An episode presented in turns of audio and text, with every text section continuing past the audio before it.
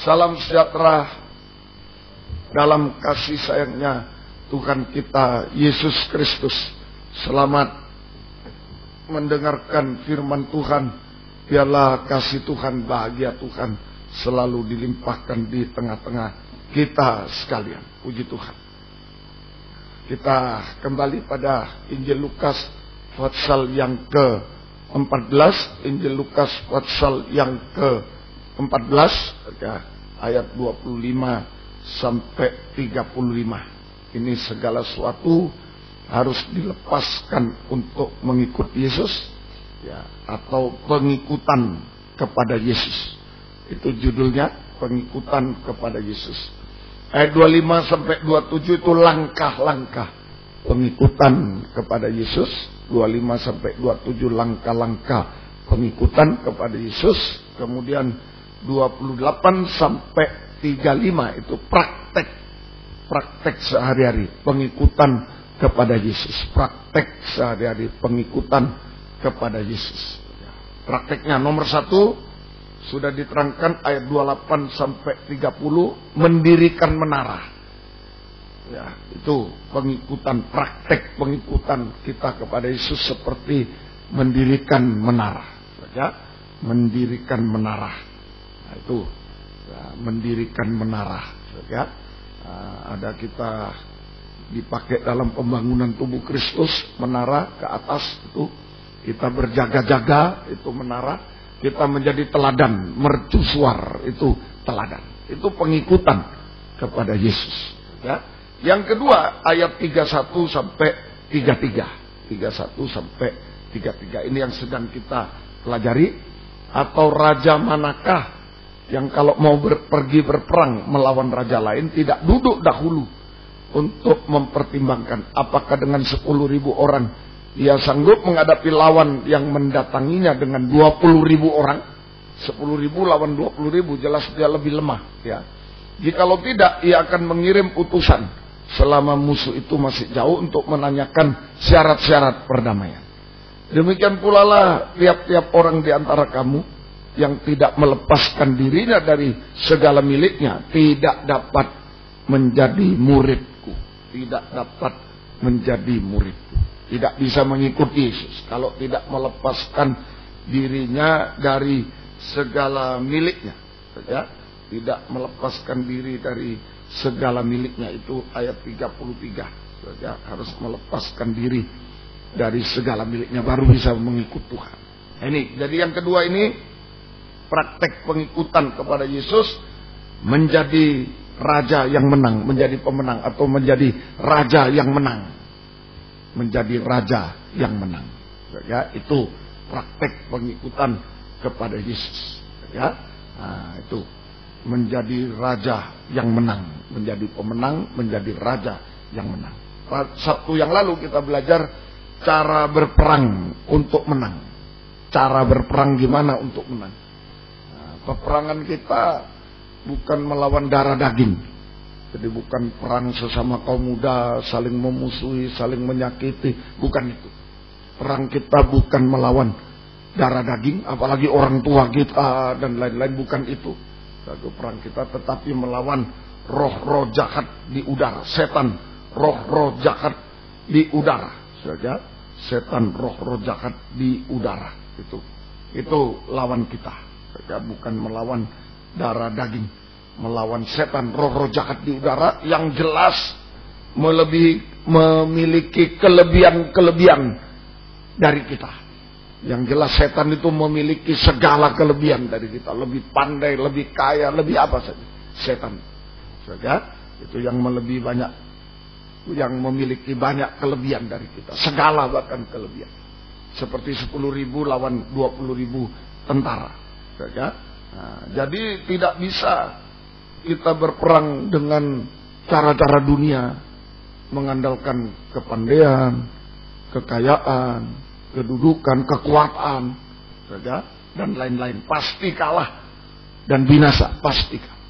Nah, kita harus menggunakan cara Tuhan, itu cara berperang untuk menang. Kita menggunakan cara Tuhan, yaitu tadi perdamaian, lewat perdamaian. menjaga hati yang damai sejahtera. Lewat perdamaian. Menjaga hati damai sejahtera. Itu menang. Nah, kalau dalam nikah rumah tangga hati damai semua suami, istri, anak, orang tua, ah, menang kita. Melawan setan menang. Atau setan sumber pencobaan, sumber dosa, sumber apa menang gitu. Nah, itu caranya harus menjaga hati damai sejahtera. Di dalam penggembalaan juga ya kau muda hati damai. Jangan sampai bermusuhan dan lain-lain. Ah, makanya dijaga hati-hati. Ya, hati-hati. Jadi kalau damai semua menang kita. Banyak jiwa-jiwa dimenangkan. Nah, terutama imam-imam ini. Nah, ini yang imam-imam yang berperang garis depan itu imam-imam gembala dan imam-imam.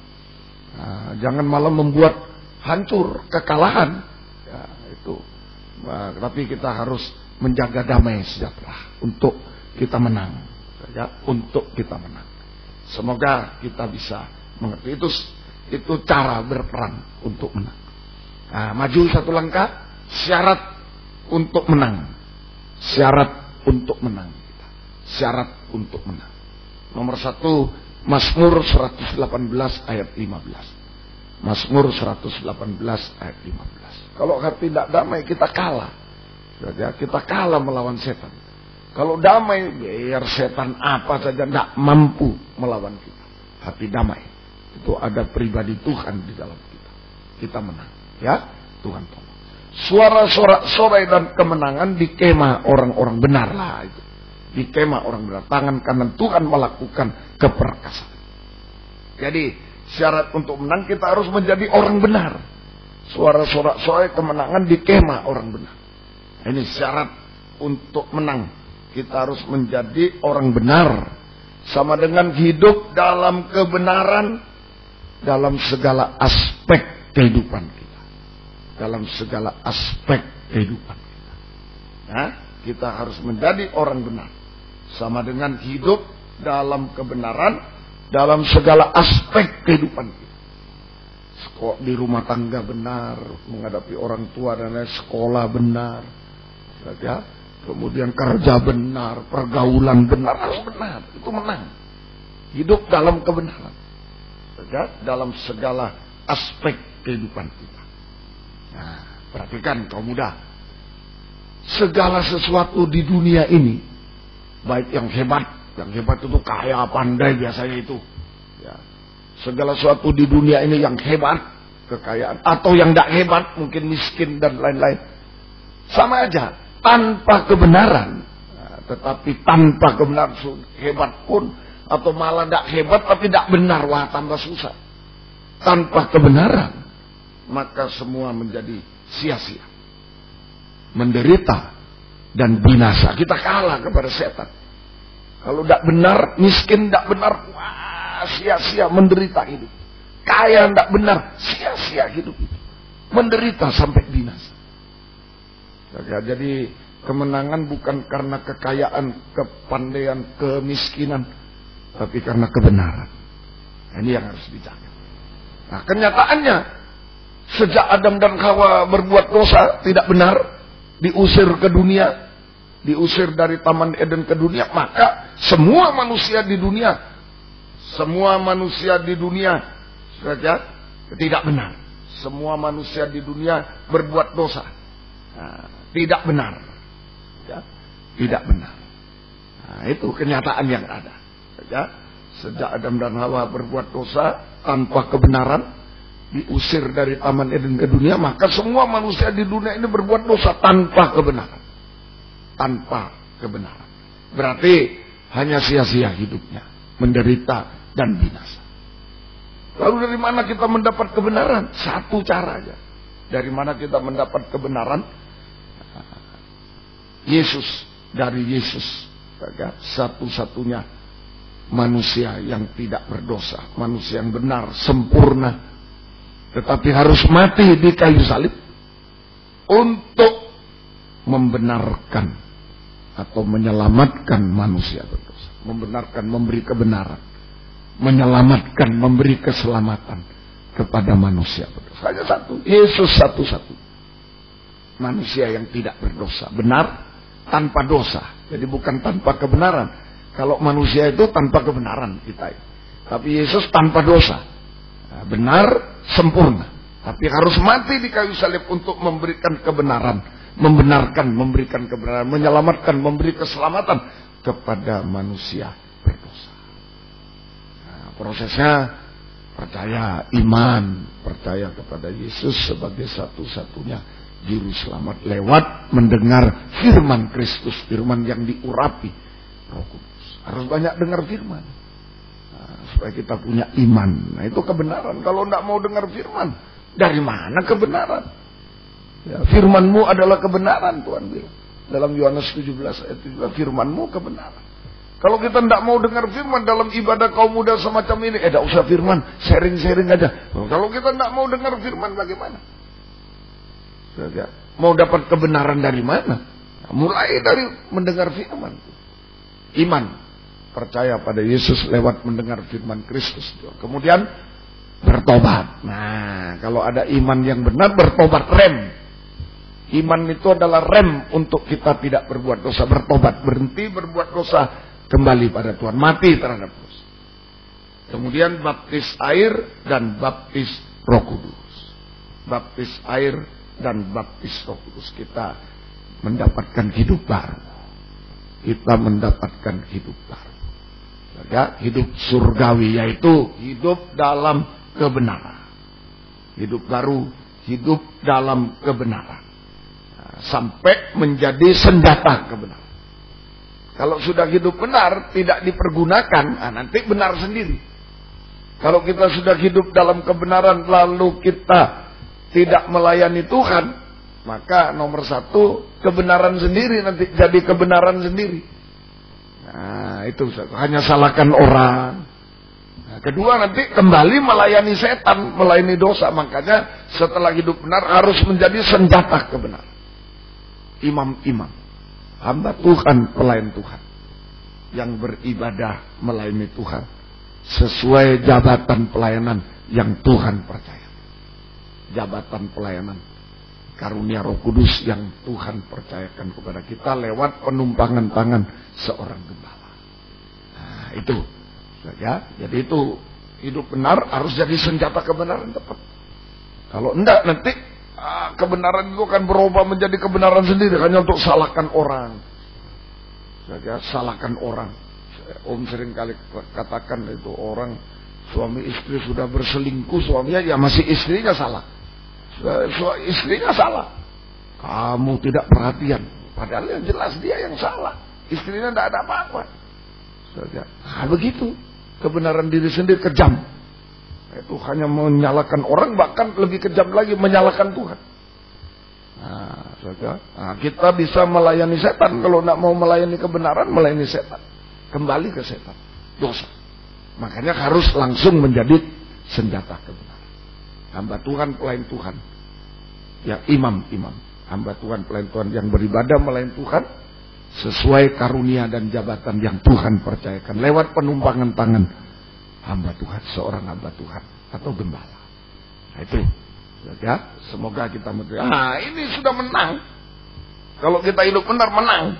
Amsal 10 ayat 2. Nah, tidak sia-sia sudah hidup kita ini. Menang kita ini. Harta benda yang diperoleh dengan kefasikan tidak benar, tidak berguna. Nah, tadi Om sudah katakan, mau hebat, tidak hebat, kalau tidak benar, tidak ada guna, sia-sia menderita, binasa. Sampai harta benda pun nanti akhirnya binasa. Ya, sia-sia, tidak berguna binasa. Semuanya. Ya, nah, itu hati-hati.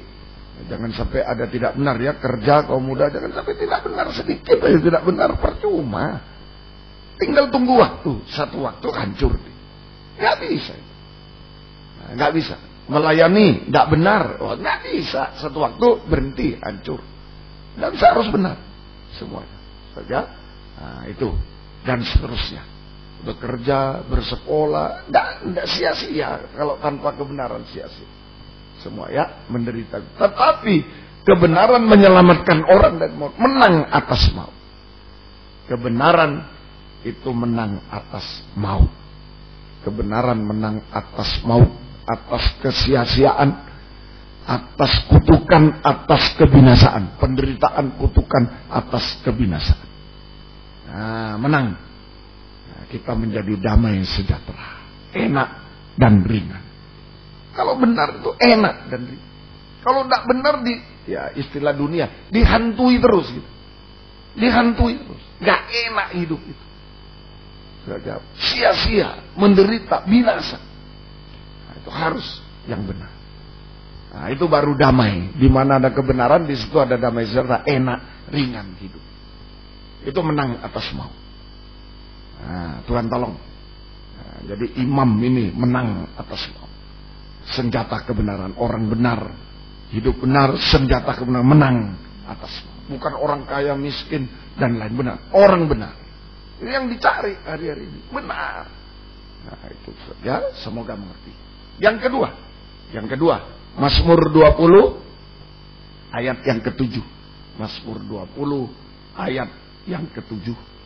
Sekarang aku tahu bahwa Tuhan memberi kemenangan kepada orang yang diurapinya.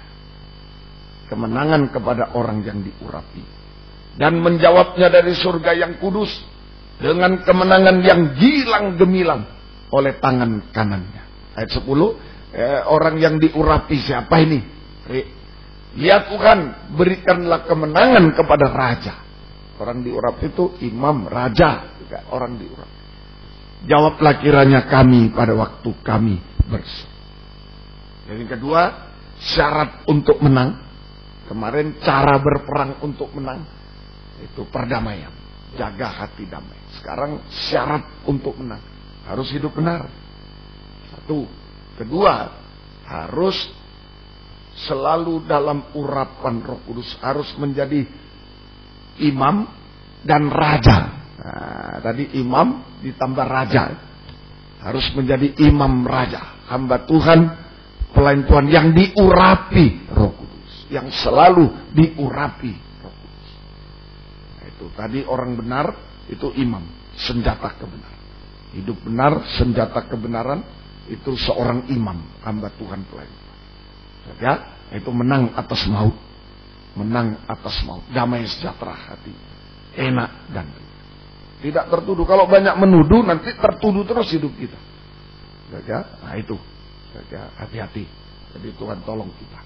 Nah, kemudian kedua, harus menjadi imam dan raja yang diurapi, yang selalu diurapi Roh Kudus hamba Tuhan, pelayan Tuhan yang selalu diurapi roh kudus.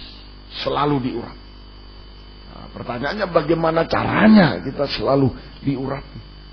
Ya, imamat 21-12. Imamat pasal 21 ayat ke-12. Janganlah ia, ini judulnya kudusnya para imam. Kudusnya para imam. Jadi janganlah ia itu imam. Janganlah imam keluar dari tempat kudus supaya jangan dilanggarnya kekudusan tempat kudus Allah. Jangan keluar dari tempat kudus ruangan suci karena minyak urapan Allahnya yang menandakan bahwa ia telah dikhususkan ada di atas kepalanya. Akulah Tuhan. Nah ini saja bagian terakhir itu karena minyak urapan Allahnya yang menandakan bahwa ia telah dikhususkan ada di atas kepala. Akulah. Akulah. Nah ini, sebagai yang kedua, jadi harus menjadi imam dan raja yang diurapi, selalu diurapi. Bagaimana caranya? Hamba Tuhan pelayan selalu diurapi, tidak kering. Selalu diurapi. Caranya, nah, seorang imam harus selalu berada di ruangan suci. Kandang penggembala. Seorang imam harus selalu berada di ruangan suci, tergembala dengan benar dan baik. Nah, tergembala dengan baik, dengan benar dan baik, yaitu nah, selalu ada di dalam kandang penggembalaan, selalu ada di dalam kandang penggembalaan. Nah, ini selalu ada di dalam kandang penggembalaan. Itu tergembala dengan benar dan baik selalu ada di ruangan suci itu tergembala dengan benar dan baik. Yaitu atau artinya selalu ada di kandang, orang tergembala itu ada di kandang. selalu berada di kandang penggemalaan ruangan suci. Ketekunan. Ada tiga macam alat itu. Sekarang ketekunan dalam tiga macam ibadah pokok. Itu harus orang itu ketekunan dalam tiga macam ibadah pokok. Nah, pelita emas sekarang ketekunan dalam kebaktian umum persekutuan dengan Allah Roh Kudus dalam karunia. Seperti kaum muda ini termasuk nah, pelita emas kebaktian umum kebaktian persekutuan. Itu termasuk. Ya juga nanti fellowship nah, minggu depan di Batam di Palangkaraya yang paling dekat di Surabaya itu termasuk pelita emas ketekunan dalam kebaktian umum persekutuan. Kebaktian kaum muda ini juga minggu kebaktian umum sampai juga kebaktian persekutuan itu saja nah, semoga kita bisa mengerti ya nah itu harus ada di kandang penggembalaan. Ketekunan dalam tiga macam ibadah pokok. Ya, ketekunan dalam tiga macam ibadah pokok itu. Nah, kemudian yang kedua, tergembala itu harus taat dengar-dengaran pada suara gembala.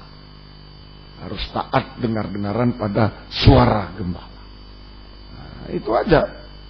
Setelah jadi imam kita, nah, ayo ditingkatkan imam dan raja yang diurapi Roh Kudus.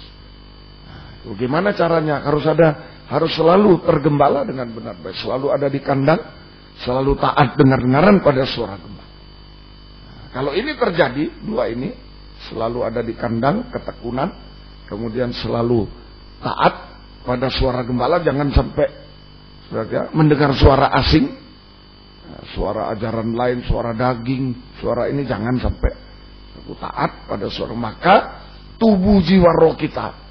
Nah, oh, tadi pelita emas, meja roti belum ya? Meja roti sajian, ketekunan dalam kebaktian pendalaman Alkitab perjamuan suci. Persekutuan dengan anak Allah dalam firman pengajaran dan korban. Kemudian mesbah dupa emas, ketekunan dalam kebaktian doa penyembahan persekutuan dengan Allah Bapa dalam kasih ini kandang Kemudian kedua yaitu kita harus mendengar, selalu mendengar dan dengar-dengaran pada suara gembala, firman penggembala. Jangan sampai mendengar suara asing, ajaran palsu, suara daging, hati-hati. Ya, itu semua. Ajaran palsu suara setan. Nah, suara setan, ajaran palsu ini, suara setan, suara dunia. Oh, umum kok di dunia itu. Ya, begitu kok di dunia, jangan. Kita lain sudah. Kita sudah menjadi orang benar. Loh kok bisa beda dengan dunia? Loh ya tadi itu. Sejak ada nanawa berbuat dosa, semua manusia di dunia sudah berbuat dosa. Nah, tapi kalau kita sudah hidup benar, sudah ditebus oleh Tuhan, percaya, bertobat, sudah lain. Jangan dengar suara dunia, banyak kali kita begitu. Dengar suara, oh yang satu kelas nyontek om, umum itu, enggak apa-apa kok, gurunya malah keluar, enggak lihat. Gak apa-apa itu. Nah, nggak boleh. Tetap kita suara Tuhan. Suara Tuhan. Bisa ngerti ya? Nah, itu suara Tuhan. Bukan suara setan, suara ajaran palsu itu suara setan, suara dunia itu palsu. Dan suara daging, hati-hati. Nah, suara daging ini sering kali lebih kuat. Nah, saja suara daging itu lebih kuat daripada suara Tuhan. Seringkali. Ya, ini hati-hati. Jangan sampai ya taat. Nah, kalau sudah terjadi kita di kandang, kita taat maka nah, di dalam kandang pengembalaan, di dalam ketaatan, maka tubuh jiwa roh kita melekat kepada Allah Tritunggal. Nah, sehingga mengalami penyucian terus-menerus. Nah, mengalami penyucian terus-menerus. Hidup dalam kesucian. Mengalami penyucian terus-menerus. Itu saja. Boleh ditambah terutama terhadap dosa Yudas itu Iskariot. Keinginan jahat keinginan akan uang kikir dan serakah hati-hati juga ada keinginan najis. Nah itu hati-hati dua ini. Supaya kita disucikan sehingga hidup dalam kesucian. Hidup dalam kesucian dan tidak melanggar kekudusan kembali ke imamat ini saja tidak melanggar kesucian. Kita hidup dalam kesucian. Nah, tidak melanggar kekudusan. Dan kita saja jangan melanggar kekudusan dan kita karena minyak urapan Allahnya menandakan ia dikhususkan ada di atas kepala. Kita selalu diurapi Roh Kudus. Kita selalu diurapi. Urapan Roh Kudus di kepala. Nah, artinya di kepala itu yang mengatur hidup kita itu Roh Kudus. Nah, itu satu yang menjadi kepala, di kepala, minyak urapan di kepala. Ini pikiran ini yang sering disesatkan. Ya, nah, kalau sudah minyak urapan ada di kepala, nah, maka dalam Roma 12 ayat 11 kita menjadi setia dan berkobar-kobar. Setia berkobar-kobar. Nah itu, jangan hendaknya kerajinanmu kendor, tapi rohmu menyala-nyala layanilah Tuhan. Setia. Menjadi orang yang setia setia dan berkobar-kobar. Suci, S1 tadi. Nah, kalau ada di kandang, kita taat pada suara makan firman pengembalaan, maka kita akan hidup dalam kesucian, suci, ditambah setia berkobar-kobar dalam ibadah pelayanan kepada Tuhan. Sesuai jabatan pelayanan yang Tuhan percaya. Setia berkobar. Juga di Alkitab itu rahasia besar cuma dua Rahasia besar itu cuma dua. Ya, ya banyak rahasia dia. Rahasia besar itu rahasia agung, rahasia ibadah, rahasia nikah. Itu satu kesatuan. Setia berkobar dalam nikah rumah tangga.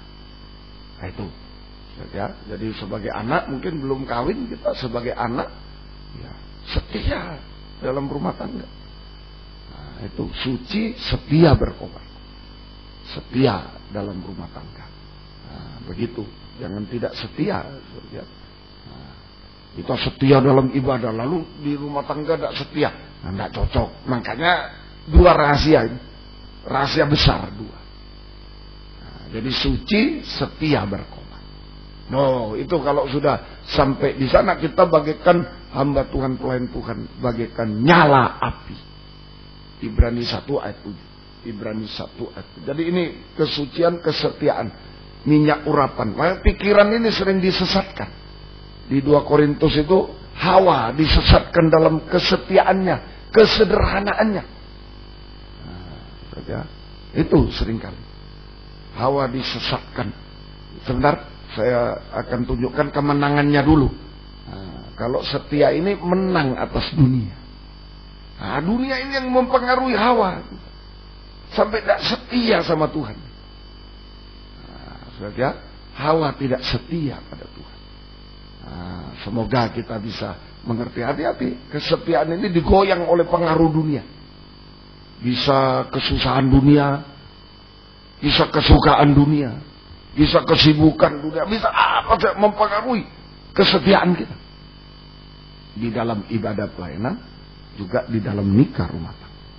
Banyak nikah hancur karena pengaruh dunia. Macam-macam. Ini. Tapi kalau kita sudah setia berkobar, itu berarti menang atas dunia. Sebelum Ibrani ya, Yakobus 4 ayat 4. Yakobus 4 ayat 4. Nah, banyak kali kita diganggu oleh pandangan di dunia ini. Seringkali kesetiaan luntur. Kesetiaan kita luntur hanya karena perkara dunia. Hai kamu orang yang tidak setia. Kalau terjemahan lama berzina. Tidakkah kamu tahu bahwa persahabatan dengan dunia adalah permusuhan dengan Allah? Jadi barang siapa hendak menjadi sahabat dunia ini, ia menjadikan dirinya musuh Nah, ini hati-hati. Ya, jadi kalau kita sudah setia berkobar dalam ibadah dalam nikah rumah tangga itu berarti menang atas dunia dengan segala pengaruh kesibukan, kesukaan dunia, menang, tidak bisa ditukar kesetiaan kita. Kesusahan, waktu susah, menang. Nah itu, makanya saya kalau peneguhan pemberkatan nikah itu selalu waktu susah, waktu senang, waktu susah. Nah, apakah kau mau? Nah, harus diingat. Ya, semoga kita Jadi jangan dipengaruhi dunia saat suka wah SS ya. Suka nah, senang setia. Kalau susah, nah, enggak setia. SS mestinya tetap. Susah juga setia. Amin. Nah. Ayo rumah tangga juga. Keluarga, mungkin ayah kita dulu diberkati. Oh setia kita, hormat. Setelah tidak ada, tidak ada juga. Ya jangan. Jangan terpengaruh itu. Itu berarti bukan urapan. Kesetiaannya bukan urapan. Daging. Itu daging. Tapi kalau urapan mau susah, mau senang, mau sibuk, mau tidak sibuk, mau ini. Tetap setia. Suci setia. Berkobar-kobar. Nah itulah Ibrani 1 ayat 7. Ibrani 1 ayat. Ayo hari-hari ini. Ya, kalau mau menang atas dunia ya harus setia. Kalau tidak setia sudah kalah dulu. Kalah dulu. Ya, ayo tentang malaikat-malaikat ia berkata yang membuat malaikat-malaikatnya menjadi badai, pelayan-pelayannya menjadi nyala api. Jadi kalau kita menjadi imam dan raja, hamba Tuhan, pelayan Tuhan yang suci setia berkobar. Dalam ibadah pelayanan kepada Tuhan, dalam nikah rumah tangga. Maka nah, kita menjadi biji mata Tuhan sendiri. Biji mata Tuhan sendiri. Nah itu Mutu Lempinel, Lembaga Pendidikan Kristus, Alkitab Kristus itu begitu. Kalau kita bodoh, masih bisa ditolong kalau setia. Masih bisa ditolong. Tapi kalau malas, tidak setia termasuk malas, nggak bisa ditolong. Nggak bisa ditolong. Nah, itu aja ada kesetiaan. Di dalam ibadah, dalam nikah, kesetiaan itu harus dijaga itu masih diselamatkan kalau setia. Sebab Tuhan Yesus setia. Kalau kita tidak setia, Yesus tetap setia. Nah, ini yang bisa menyelamatkan kita. Kesetiaan. Ya, Tuhan tolong. Jadi suci, setia kita menjadi pelayan bagikan nyala. Pelayan bagikan nyala. Dalam Wahyu 1.14, mata Tuhan bagikan nyala. Jadi kalau digabung, kepala rambutnya putih bagaikan bulu putih mata, matanya bagaikan nyala. Hamba Tuhan yang suci setia berkobar sama dengan nyala api. Mata Tuhan sama dengan nyala api. Jadi imam dan raja, hamba Tuhan pelayan Tuhan yang suci setia berkobar-kobar dalam ibadah pelayan, dalam nikah tidak bisa digabung, eh tidak bisa dipisahkan. Dalam ibadah pelayan, dalam nikah rumah tangga itu adalah dikhususkan tadi. Biji mata Tuhan sendiri dikhususkan oleh Tuhan. Menjadi biji mata Tuhan sendiri. Nah, ini menang atas dunia. Tadi benar itu menang atas maut atas dosa menang atas. Ini menang atas dunia. Menang atas dunia. Ya semoga kita bisa mengerti suci siap berkobar itu biji mata Tuhan sendiri biji mata Tuhan. Nah ini saja tidak bisa dijama oleh antikris biji mata Tuhan. Ini kesayangan Tuhan. Ini yang kehidupan uh, hamba Tuhan pelayan Tuhan, imam raja hamba Tuhan pelayan yang disingkirkan ke padang. Jauh dari mata, nah, biji mata, jauh dari mata antikris yang berkuasa di bumi selama tiga setengah. Ini yang akan di Nah, saudara, ayo sungguh-sungguh hari-hari. Saudara, kesetiaan, kesucian dijaga. Betul -betul. Di dalam ruangan suci ini kita menjaga kesucian, kesetiaan. Supaya betul-betul menjadi biji mata Tuhan sendiri. Biji mata Tuhan sendiri. Ya, Tuhan tolong kita semua. Ini kehidupan yang dikhususkan oleh Tuhan. Dikhususkan oleh Tuhan. Ini apa istilah dikhususkan? Biji mata yang akan disingkirkan. Tidak bisa dijama oleh setan juga akan disingkirkan ke padang gurun. Jauh dari mata antikris yang berkuasa di bumi. Tiga setengah. Kita dipelihara langsung oleh Tuhan lewat firman pengajaran dan perjamuan suci. Firman pengajaran benar dan perjamuan suci itu makanan dari surga. Dulu mana bangsa Israel di padang gurun dipelihara dengan mana kita firman pengajaran dan perjamuan suci.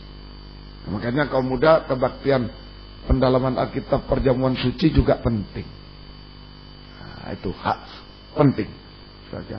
Nah, selain latihan penyingkiran, ini juga latihan kesetiaan kepada Tuhan. Nah, itu pendalaman Alkitab perjamuan suci. Kita belajar kesetiaan Tuhan. Saat makan firman dan perjamuan suci kita belajar ini Yesus taat setia sampai mati di kayu. Yesus setia sampai mati di kayu. Kita belajar kesetiaan. Nah, di samping saudara, untuk persiapan penyingkiran. Kalau di padang gurun nanti tidak ada makanan. Tidak ada makanan lainnya. Cuma firman pengajaran perjamuan suci. Nah, itu.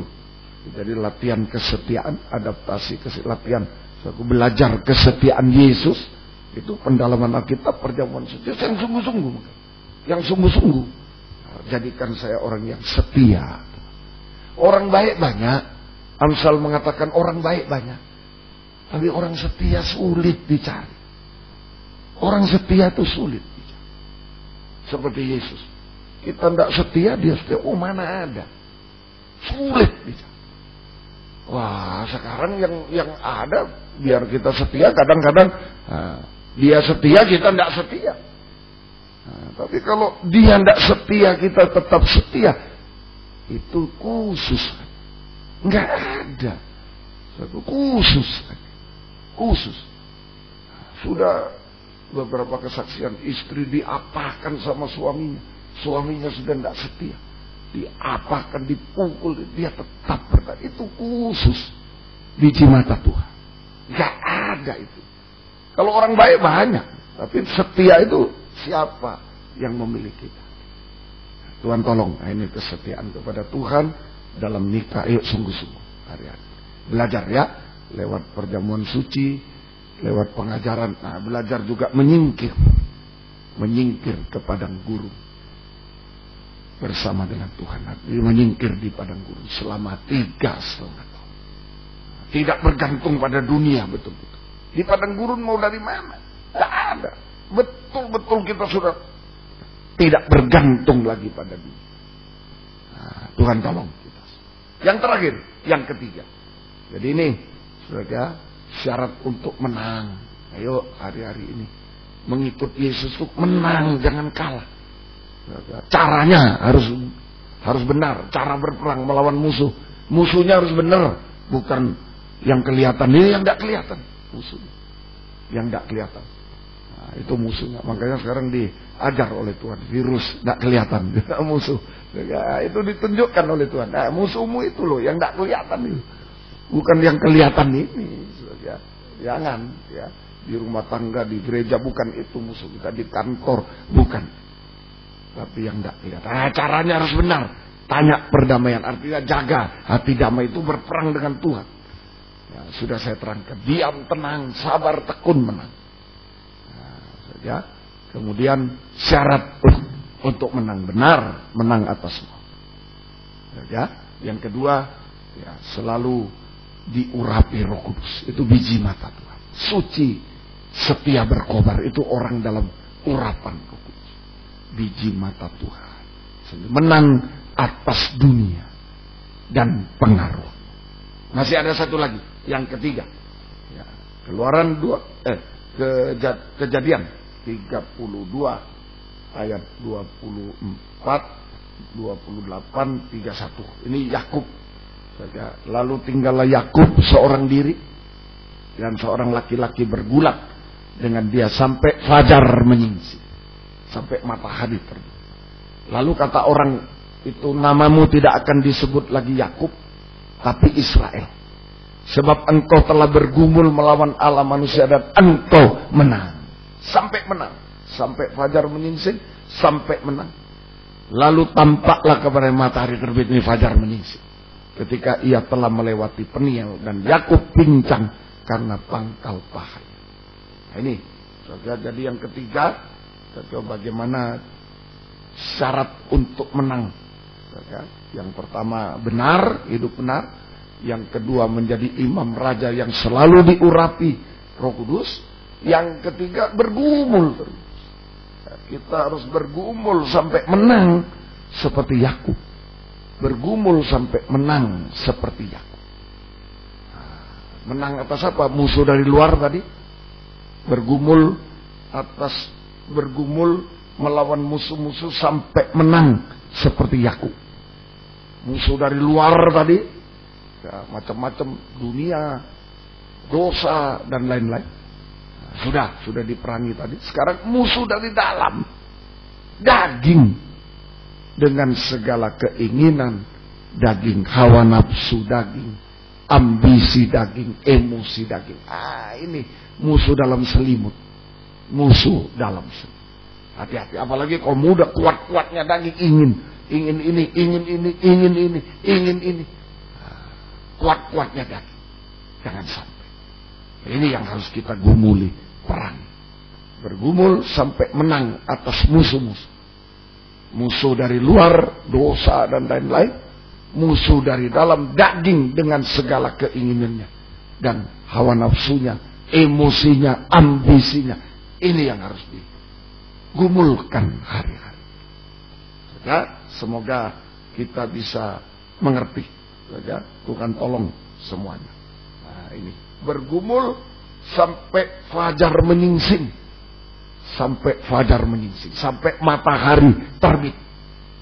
Nah, itu bergumul sampai menang Yakub tapi juga bergumul sampai fajar menyingsing matahari terbit secara jangka panjang itu bergumul sampai kedatangan Yesus kedua kali di awan kedatangan Yesus kedua kali dalam kemuliaan sebagai raja mempelai pria surga di awan permai itu kita bergumul sampai Yesus datang.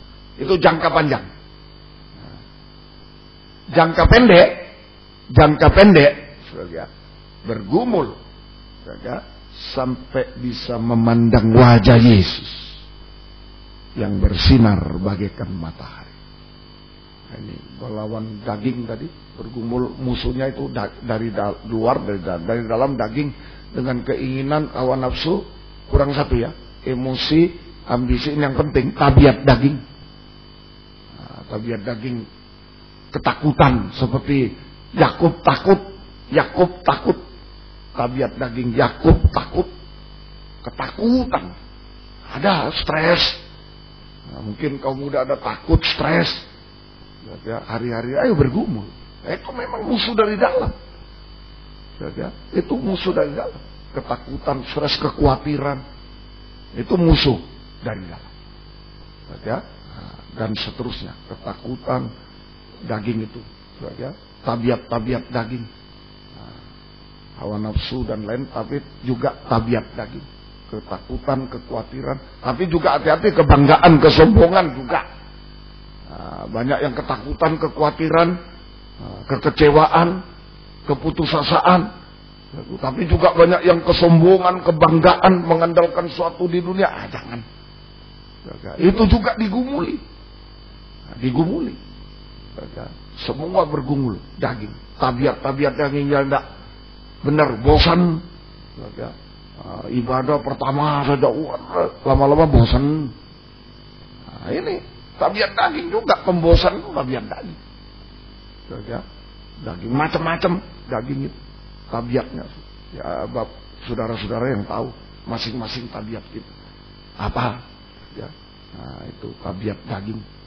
Mari kita gumuli hari-hari kita gumuli. Ya, semoga kita mengerti. Sampai kita bergumul sampai fajar menyingsing kedatangan Tuhan kedua kali di awan permai bergumul sampai bisa memandang wajah Yesus. Sampai bisa memandang wajah Yesus yang bersinar bagaikan matahari. Nah ini pergumulan kita.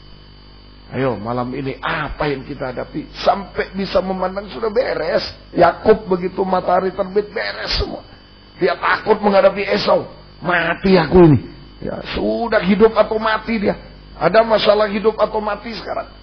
Ketakutan kita stres dan lain. Ah, sudah sampai bisa memandang matahari terbit. Wajah Yesus sekarang bagikan matahari. Sudah selesai. Ini pergumulan kita. Memandang wajah Yesus bagaikan matahari terbit. Ya, matahari terik atau matahari terbit. Sinar matahari. Nah, kalau bisa memandang wajah Yesus Nah, kita bisa menyembah dia, memandang wajah Yesus, kita bisa menyembah dia. maka nah, sinar matahari dari wajah Yesus. Wajahnya berubah bagi matahari waktu Yesus naik ke gunung. Sanggup untuk mengubahkan kita. Sanggup untuk mengubahkan panca indera kita. Di wajah ini panca indera. Sanggup untuk mengubahkan panca indera nah, panca indera inilah pusatnya daging itu. Ah ini panca indera nah, pusatnya daging. Coba kalau mau pilih baju. Nah, sudah lihat ini. Uh bagus ini. Cocok. Nah, sebentar lagi noleh sebelah kanan atau yang lain, waduh ini, waduh ini, waduh ini, lah itu baru mata, baru mata begitu. Kita ini. Pusatnya daging itu ya panca indera, panca indera, ya pusatnya daging. Nah, semuanya. Hati-hati, baru mata, belum mulut, belum itu semua itu lima indera, perasaan belum, perasaan dan ada bangga, ada kecewa, dan lain-lain semua. Ya Tuhan tolong kita. Ini makanya pembaruan panca indera dulu wajah. Karena ini pusatnya daging ini. Panca indera, pusat keinginan, hawa nafsu daging, tabiatnya semua di panca indera. Semua di panca indera. Nah, ya, semua apa yang kita ngomong, nah, itu tabiat kita. Nah, bisa lewat omongan dan lain sebagainya. Nah, itulah. Ya, semoga kita mengerti. Tuhan tolong ada kalau tabiat tabiat kasar mulutnya kasar ngomongnya tidak peduli orang tersungging ter nah, tersinggung atau terjungkal tidak peduli nah, memang tabiatnya tabiat so, tabiat sombong tabiat kasar tabiat penipu mulut manis nah, manis sekali mulut dan seterusnya tabiat apa saja itu tercemin di mulut, tercemin di macam di panca indera.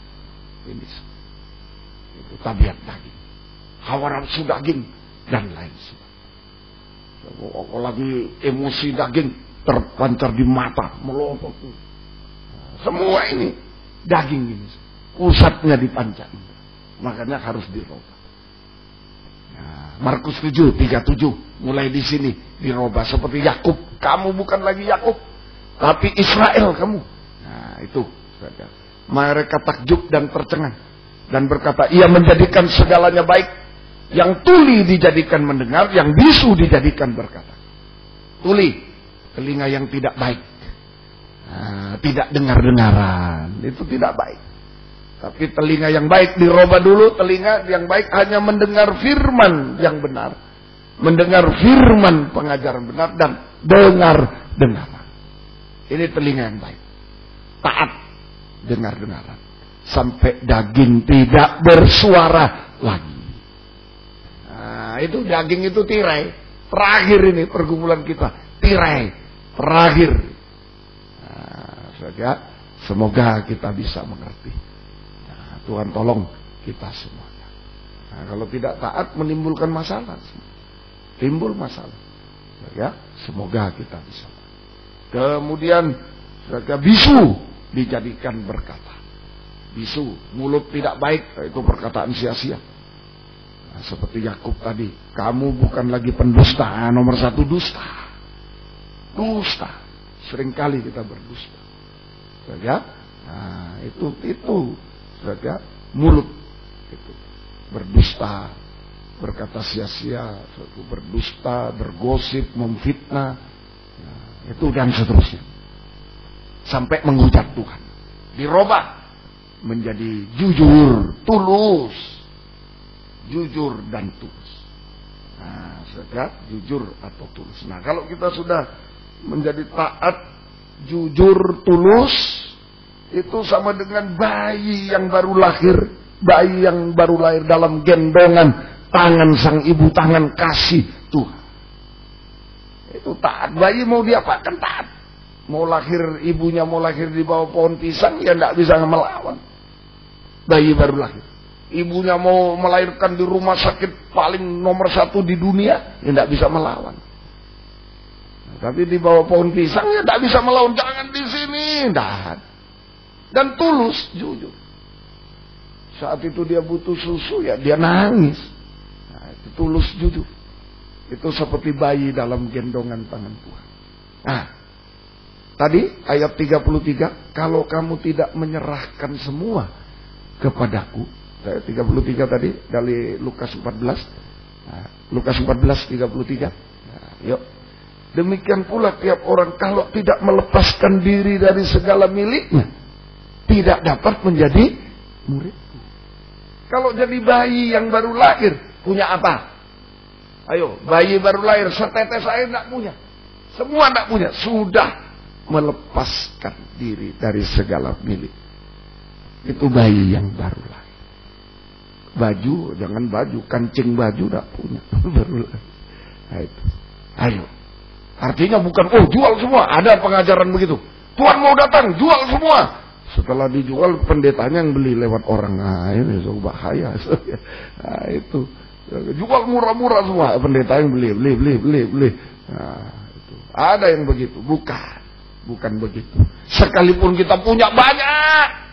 Jangan mengandalkan itu. Lepaskan. Nah, itu. Kita hanya bayi yang menangis kepada. Hanya bergantung pada gendongan tangan kasih Tuhan. Gendongan tangan kasih. Kalau domba itu hanya domba sembelian. Tidak bisa apa-apa. Sama bayi yang menangis. Domba sembelian. Hanya bergantung pada tangan kasih Tuhan. Yesaya 49, 14, 15. Yesaya 49. Nah, kalau kita bayi sudah merasa tidak punya apa-apa, tidak bisa apa-apa, tidak berharga apa-apa, sudah lepaskan semua. Lepaskan semua, tidak bergantung semuanya itu. Nah, maka Tuhan menggendong, mengingat. Sion berkata, Tuhan meninggalkan aku, Tuhan melupakan. Bangsa Israel waktu itu sengsara. Ya putus asa dia, Tuhan sudah lupa kita. Sudah percuma kita ini. Mungkin ada malam ini. Percuma, gara-gara apa saja. Gara-gara kerjaan, gara-gara sekolah, gara-gara si dia, gara-gara apa saja. Ah, sudah lupa aku Tuhan. Janganlah, jangan masih ada. Dapatkah seorang perempuan melupakan bayinya? Sehingga ia tidak menyayangi anak dari kandungan. Sekalipun dia melupakannya, aku tidak akan melupakan. Hati-hati kau muda ya. Jangan kesedihan sampai begitu mendalam. Ya. Karena apa aja? Mungkin kerja gagal dan lain. Yang kesaksian itu minggu itu sungguh. Sungguh. Kau muda yang hebat. Yang hebat saya tahu hebat. Sudah gitu-gitu aja bahasa Inggrisnya dahsyat. Bahasa Jermannya. Tapi ya itulah dia. Kesedihan mendalam, ditumpuk. Akhirnya habis. Makanya mari Sungguh-sungguhlah kita hari-hari ini ya. Tuhan tolong kita semua. Ayo jadi bayi semua. Hanya menangis kepada Tuhan. Apa yang kita alami? Hanya menangis. Tuhan menggendong kita. Aku tidak melupakan. Taat dan tulus itu. Jujur itu aja. Sudah sudah melepas semuanya. Taat sampai daging tak bersuara. Tulus sampai daging tak bersuara. Jujur. Daging tak bersuara. Itu sudah lepaskan semua. Seperti bayi Lepaskan semua seperti bayi hanya menangis. Maka Tuhan menggendong kita, memperhatikan, tidak melupakan, mengingat kita selalu, memperhatikan, memperdulikan, bergumul juga untuk mengulurkan tangan kasihnya kepada kita.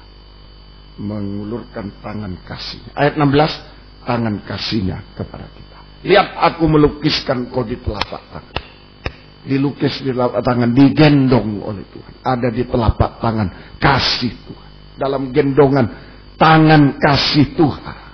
Tembok-tembokmu tetap di ruang mata. Ada pemeliharaan Tuhan yang ajaib. Tangan kasih Tuhan sanggup untuk memelihara kita secara ajaib. Tembok melindungi, memelihara kita yang kecil tak berdaya. Di tengah kesulitan dunia secara ajaib secara sampai antikris berkuasa di bumi tiga setengah tahun sampai hidup kekal selamanya sanggup dia melindungi memelihara asal kita menjadi bayi kembali. Lepaskan semua jangan andalkan soalnya menangis kepada Tuhan. Menjadi bayi yang baru bayi domba sembelih ada perlindungan pemelihara tembok-tembok. Perlindungan pemeliharaan Tuhan. Secara ajaib di tengah kesulitan dunia. Ya, terus Markus 7:37 tadi, tangan kasihnya sanggup. Ya, tangan kasihnya ia menjadikan segalanya baik yang tuli dijadikan mendengar bisu dia ah, saja. Kalau sudah taat jujur seperti bayi, Tuhan mampu, tangan kasih Tuhan mampu menjadikan semua baik. Yang hancur, buruk jadi baik.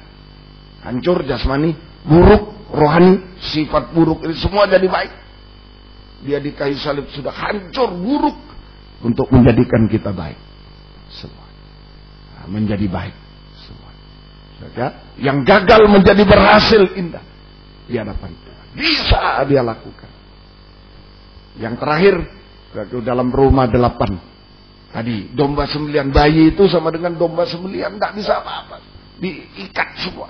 Hanya mengembek seperti bayi, tidak bisa apa-apa. Mengembek pada Tuhan. Roma 8, 35 sampai 37 ayat terakhir.